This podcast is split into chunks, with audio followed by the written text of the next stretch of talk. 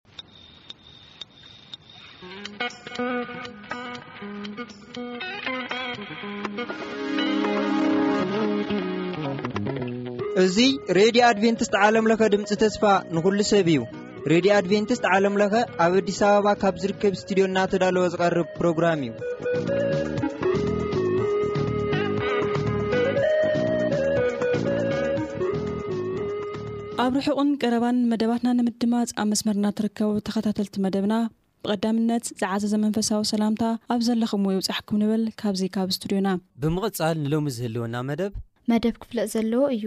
ምሳና ጽንሑ ሰናይ ምክትታል።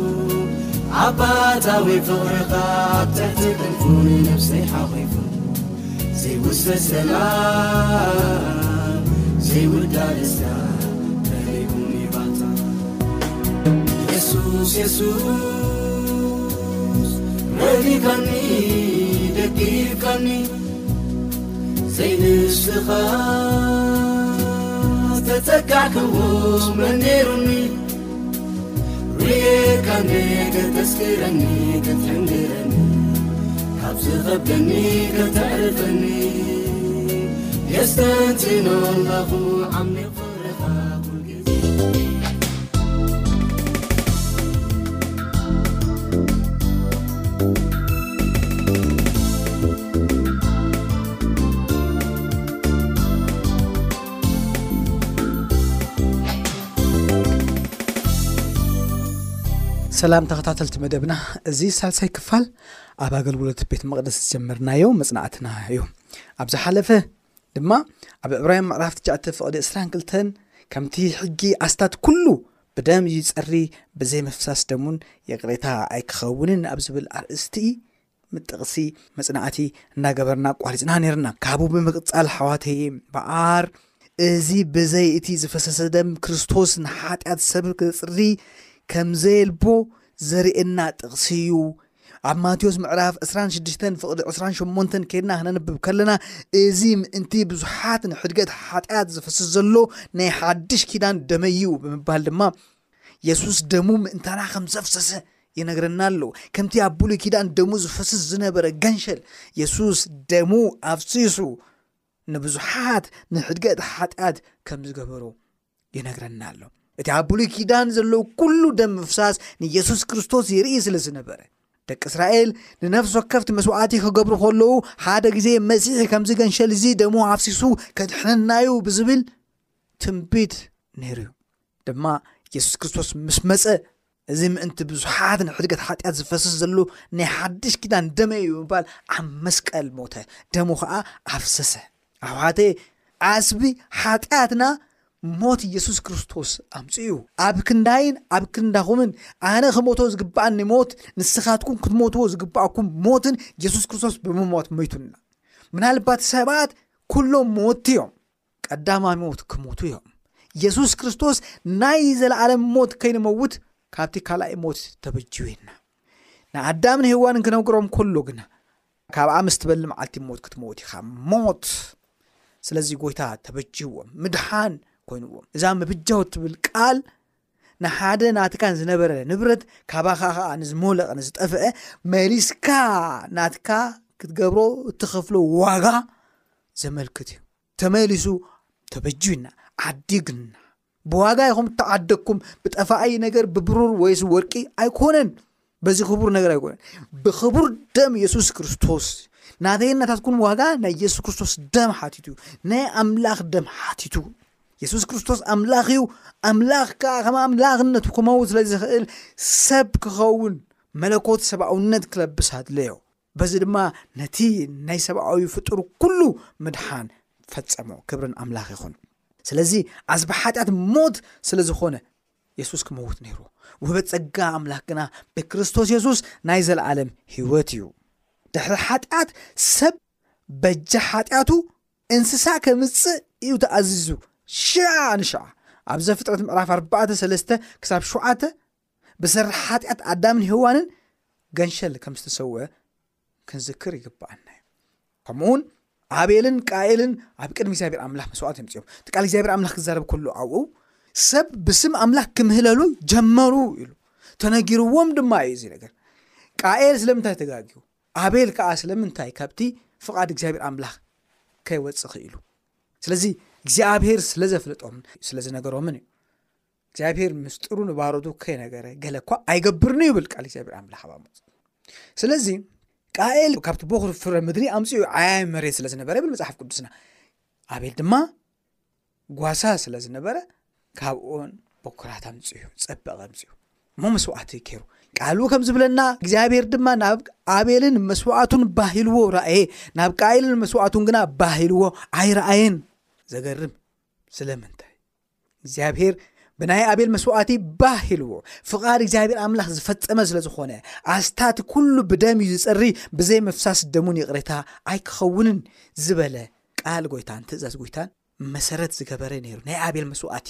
ቃኤል ግና ነዚ ሪላክታንት ኮይኑ ቃኤል ናይ ገዛእ ርእሱ ናይ ምድሓን መገዲ ከታእታቱ ዝፈተነ ሰብ እዩ ኣቤል ግና ኣብቲ ስሩት ናይ ምድሓን መደብ ዝሰመረን ፍቓድ ናይቲ ስሩት ናይ ምድሓን መደብ ዝፈጸመ ናይ ኣምላኽ ሰብ እዩ እዚ ፍልልዮም ነይሩ እግዚኣብሔር ካ ከምኡ እዩ ኣብ ኣቤልን መስዋዕቱን ባህ ኢልዎ ረኣየ ናብ ቃይልን መስዋዕቱን ግና ባህ ኢልዎ ኣይረኣየን ኢሉ ንኣቤሉ መልሱ እግዚኣብሔር ክዛረበ ኩሉ እንታይ ኢልዎ ንቃይል ማለት እዩ እንሆ ሓጢኣት ኣብ ኣፍ ደገኻ ትቃፀወካ ኣላ ሃረርታኣ'ውን ናባኻ እዩ፣ ንስኻ ግና ክትገዝኣ ይግብኣካ እዩ እዚ ተባሂሉ። ኰብላልን ቀባብሓን በሃላይን ክሳብ ዝኸውን፣ ክሳብ ከምኡ ዝገደደ ሓጢኣት ከኣ ገይሩ፣ ንሓዉ ክሳብ ዝቐትሎ ድማ ኣብ ልዕሊ ሓዉ ተናዲዱ። እግዚኣብሄር ግና ኣብ ኣቤልን መስዋእቱን ባህ ኢልዎ ርእዩ። ኣዒንቲ እግዚኣብሔር ኣብ ኩሉ ስፍራ ይሄድ፣ ንሰናያትን ንእኩያትን ይቋመታኦም። ኣዒንቲ እግዚኣብሔር ኣምላኽ ናብ ጻድቃን፣ ኣእዛኑ ድማ ናብ ኣውያቶም ናብ ጸሎቶም እዩ ይብል። እግዚኣብሔር ናብ ኣቤልን መስዋእቱን ባህ ኢልዎ ረኣየ። ስለዚ ኣስታት ኩሉ ብደም ምእንቲ ክጸሪ መስዋእትታት ተተኣታት እዩ። ስለዚ ሓደ ሓጢኣቱ ዝተፈለጦ ምእንቲ ሓጢኣቱ ዝመውት በጃ ክምጽእ ተነጊርዎ ነይሩ ሓደ እንስሳ ሒዙ ክመጽእ ኣለዎ ንሱ ምእንቲ ከይመውት ሓደ ኢኖሰንት ዝኾነ ሓደ ንጹሕ ዝኾነ ሓደ ሓጢኣት ዘይገበረ ሓደ ኣብቲ ሰብ እቲ ሓጢኣት ምትሕብባር ዘይነበሮ ሰብ ዘይነበሮ እንስሳ ከምጽእ ተሓቲቱ እዩ ምክንያቱም ሮሜ ምዕራፍ ሰለስተ ፍቅድ እስራን ሰለስተን ኣስብ ሓጢኣት ሞት ዋጋ ሓጢኣት ሞት ለዝኾነ ስለዚ እዚ ኩሉ ድማ መስዋእቲ የሱስ ክርስቶስ ዘመልክት እዩ ኣብ ብሉይ ንመጻኢ ንቕድሚት ኣርሒቖም በዘን መስዋእትታት እዚአን ናብ የሱስ ክርስቶስ ናብ መስቀል ይጥምቱ ነበሩ እዞም ኣብዚ ዘመን ዘሎና ኣነ ንስኻትኩምን ድማ ንድሕሪት ናብቲ ምንጪ ምድሓን የሱስ ክርስቶስ ናብ መስቀል ንጥምት እሞ ኩላሕና ብኡ ምድሓን ረኺብና ኢና። ኩላሕና ኣብ መስቀል ንራኸብ ኢና። ኩላሕና ብዋጋ ደም የሱስ ክርስቶስ ተገዚእና ኢና። ኩላሕና ብዋጋ መስቀል ተዓቂንናን ተመዚንናን ኢና። ኩላሕና ሓደ መድሓኒ ክህልወና ኮይኑ እዩ። ኩላሓና ሓደ ኣማላዲ ኩላሓና ብሓደ ወዲ የሱስ ክርስቶስ ኣቢልና ናብ ክርስቶስ ናብ እግዚኣብሔር ኣቦ መብፅሒ ተዋሂብና ኢና ግብረ ሃዋርያት ምዕራፍ ኣርባዕተ ፍቕድ ዓሰርተ ክልተ ድማ ብኡ ክንደህን ዝግባእ ካልእ ስም ኣብ ትሕቲ ሰማይ ንሰብ ኣይተዋሃበን እሞ ምድሓን ብሓደ ካልእ ከቶ የልቦን ምድሓን ብሓደ ካልእ ከቶ የልቦን መድሓኒ ኢልና ንፅውኦ ብዘይ የሱስ ክርስቶስ ካልእ ከቶ ከቶ የለን ይብል ኣሎ ቃል እግዚኣብሔር ኣምላክ ካልእ ብፍጹም የለን ኣሕዋተይን ኣሓተይን ንሱ በይኑ እዩ ካልእ ከቶ የልቡን እምበኣር ክንቅጽል ከሎና ዓስረይቲ ሕቶ እቲ ምሕረትን ሕድገት ሓጢኣት ዝደለየ ሓጥእ እንታይ ክገብር እዩ ተኣዚዙ ኣብ ብሉይ ኪዳን ኣብ ዘለዋውያን ምዕራፍ 4 ፍቅሪ 27 ክሳብ 29 ዘለዋውያን ሓደ 4 1 ሓደ ሓጢኣቱ ተፈለጦ ሓደ በጅኡ በጃ ሓጢኣቱ ዝሓልፍ ዝመውት ደሙ ዝፈስስ እንስሳ ሒዙ ክቐርብ ኢዱ ኣብ ልዕሊ እታ መስዋዕቲ ሓጢኣት ብምንባር ሓጢኣቱ ብምንዛዝ እቲ ሓጢኣት ካብቲ ሰብቲ ናብቲ እንስሳ የሰጋግር ደሓር እቲ ንጹህ እንስሳ ሓጢኣት ዘይገበረ ኣብቲ እቲ ሰብቲ ሓጢኣት ግደ ዘይነበሮን ዘይተሓባበረን ሓጢኣተኛ ስለ ዝኸውን ንመስዋእቲ ይቐርብ እሞ ይስዋእ። ግናኸ ሓጢኣተኛ ኣብ ልዕሊ እቲ እንስሳ ኢዱ ብምግባር ሓጢኣቱ ይናዘዝ እቲ ሓጢኣት ካብቲ ሰብ እቲ ናብቲ እንስሳ ይመሓላለፍ እቲ እንስሳ እቲ ሕጂ ሓጢኣተኛ ስለ ዝኸውን ብምስግጋር ሓጢኣት ሓጢኣተኛ ስለ ዝኸውን እንታይ ይኸውን ዓስቢ ሓጢኣት ሞት ስለ ዝኾነ ሓጢኣተኛ ከዓ ስለ ዝኾነ ይስዋእ ይቕተል ይሕረድ። እዚ ኸኣ ናይ የሱስ ክርስቶስ እቲ ንጹሕ መድኃኒና መስዋእቲ እቲ ብቑዕ መድኃኒ መስዋእቲ የሱስ ክርስቶስ ዘመልክት እዩ። ነቲ ደም ወሲዱ እቲ ካህን ተቐቢሉ ናብ ቅድሚ ኣምላኽ መጋረጃን ዓውቲ ቤት መቕደስ ይነጽጎ። እዚ ኸኣ እቲ ናብቲ እንስሳ ተሰጋጊሩ ዝነበረ ሓጢኣት ካብቲ እንስሳ ናብቲ ቤት መቕደስ ከም ዝተሰጋገረ ዘመልክት እዩ። ሓጢኣት ኩሉ ህዝቢ እስራኤል ኣብቲ ቤት መቕደስ እቲ በዚ መስርሕ እዚ ካብቲ ሓጢኣትኛ በዳሊ ናብ እንስሳ ካብ እንስሳ ናብቲ ቤት መቕደስ እቲ እንታይ ይኸውን ይሰጋገር ነይሩ። ስለዚ ቤት መቕደስ ድማ በዚ ኩሉ ናይዞም ደቂ እስራኤል ሓጢኣት ትረክስ ዘለዋውያን ምዕራፍ 4 ፍቕዲ 16 ክሳብ 17 ድማ ብሰፊሑ ነዚ ሓሳብ እዚ ይነግረና። እታ ቤት መቕደስ ትረክስ፣ ነፍሲ ወከፍ ሓጢኣት ዝገበረ ሓጢኣቱ ተፍልጥ ዘበለ ኩሉ ኣብ ክንዲ ሓጢኣቱ ዝመውት እንስሳ ሒዙ ብምምፃእ መስዋእቲ ብምግባር እቲ ደም እቲ ካህን ሒዝዎ ኣብቲ ውሽጢ ቤት መቕደስ ብምንጻግ እታ ቤት መቕደስ ፍጹም ትረክስ ፍጹም ትረስሕ ፍጹም ትጨኑ ነይራ ደም ረሳሕ ኢሳያስ ክዛረብ ከሎ ጽድቀይሲ ከም ጽዩቕ ጨርቂ እዩ እዞም ተማሃሮ መጽሓፍ ቅዱስ ነዚ ቃል እዚ ተርጉሞም ክረኽብዎ ከለዉ ካብቲ ቦኽሪ ጽሑፍ እዚ ደም ሲ ጽድቀይሲ ከም ጽዩቕ ጨርቂ እዩ ዝብል ትርጉሞ ከሎ እቲ ዝጓሓፍ ደም ምኳኑ እቲ ብደም ዝጥልቂ ደም ምኳኑ ብደም ዝፅየቕ ብደም ተፀየቀ ጨርቂ ደም እተዓለሰ ሕማቅ ምኳኑ ንርድኦ ኢና ንኡ ይጠቕስዎ ስለዚ እዚ እቲ መስርሕ ኣብቲ ናይ ምድሓን ንክርስቶስ ማእከል ዝገበረ ኣብዚ እቲ ቀንዲ እቲ ሓጢኣተኛን እቲ ሓጢኣተኛ ሒዙ ዝመጽእ እንስሳን ከምኡ ኸዓ እቲ ዘገልግል ካህንን እዩ ለሎ ኩሉ እቲ ደም ደማ እዩ እቲ ገንሸል እሱ እቲ ካህን ከገልግል ኮነ እቲ ሓጢኣተኛ ካብ ሓጢኣቱ ክናገፍ ምክንያት ዝኾነ እዩ እምበኣር ፍቕሪ ዓሰርተ ሓደ ኣብቲ ቀዳማይ ክፍሊ ቅድስቲ እንታይ ዓይነት ኣገልግሎት ይካየድ መን ከ ኣብኡ የገልግል ነይሩ? ኣቐደም ኣቢልና ክንሪኦ ዝጸናሓና እቲ ካህን ደም ናይቲ መስዋዕቲ ዝኾነ እንስሳ ብምቕባል ኣብ ውሽጢ ቤት መቕደስ ይኸይድ ነይሩ እቲ ካህን እቲ ስግኡ ዝተረፈ ድማ ኣብቲ ዓፀድ ዝርከብ መሰውኢ መሰውኢ ምሕራር ኣብኡ እንታይ ይገበር ነይሩ ይድርበ ነይሩ ኣብኡ ይሓርር ቃፀል ነይሩ እዩ ስለዚ እዚ ኣገልግሎት እዚ መዓልታዊ ሓጢኣቱ ዝተፈለጦ ሰብ ይመፅእ እቲ ካህን ከዓ መዓልታዊ ነዚ ኣገልግሎት እዚ የገልግሎ እሞ እዚ ኣገልግሎት እዚ መዓልታዊ ኣገልግሎት መዓልታዊ ተባሂሉ ይፍለጥ እቲ ካህን ከዓ የገልግሎ ናይ ኩሉሳ መዓልቲ ኣገልግሎት ስለዝኾነ ኣብ ዕብራውያን ምዕራፍ ትሽዓተ ፍቕዲ ሽዱሽተ እቶም ካህናት ኩሉ ሳዕ እብላ ኣሎ ኣብቲ ናይ ቅድሚት ድንኳን ማለት ቅድስት ኣገልግሎት ከብፅሑ ይኣትዉ እዮም ስለዚ ናይ ኩሉ ሳዕ ኣገልግሎት ናይ ኩሉ መዓልቲ ኣገልግሎት መዓልታዊ ኣገልግሎት ተባሂሉ ድማ ይፍለጥ ንምንታይ ካልእ ዓመታዊ ኣገልግሎት ኣብ ዓመት ሓንሳብ ዝግበር ኣገልግሎት ስለ ዘሎ ካብኡ ንምፍላይ እዩ ስለዚ መዓልታዊ ኣገልግሎት ይበሃል ካህናት ከዓ ኣብኡ እንታይ ገብሩ የገልግሉ ነይሮም ኣብቲ ካልኣይ ክፍሊ ወይ ቅድስተ ቅዱሳን ከ መን የገልግል መዓስ እዩ ከእቲ ኣገልግሎት ዝካየድ ኣብ እብራውያን ምዕራፍ ትሽዓተ ፍቅዲ ሸውዓተ ነዚ ሓሳብ እዚ ንረኽቦ ኢና ኣብቲ ካልኣይ ግና ይብል እቲ ሊቀ ካህናት በይኑ ሓንሳብ ኣብ ዓመት ይኣቱ። ግናኸ ብዘይቲ ምእንቲ ርእሱን ምእንቲ ስሕተት ህዝብን ዘቕርቦ ደም ኣይኣቱን እዩ ይብል። ብሰፊሕ ብዛዕባ እዚኣ ክንምሃር ኢና ቀፂልና። እንተኾነ ኣብዚ ዝብልና ዘሎሲ ካልኣይ ዓይነት ኣገልግሎት ኣሎ። እሱ ድማ ሓንሳብ ኣብ ዓመት ኢሉ ኣሎ። ሓንሳብ ኣብ ዓመት ዝካየድ እምዃ ነቲ ኣገልግሎት ዘካይዶ ሊቀ ካህን ምዃኑ ካህን ዘይኮነ ሕጂ ሊቀ ካህን ድሓር ብዘይቲ ምእንቲ ርእሱን ምእንቲ ስሕተት ህዝቢ ዘቕርቦ ደም ኣይኣቱን እዩ ደም ሒዙ ከዓ እንታይ ይገብር ይኣቱ ብኡ እቲ ኣገልግሎቱ ከዓ ዝፍፀም ምክንያቱ ናይቲ ኣገልግሎት ቀንዲ ነገር እንታይ እዩ ደም እዩ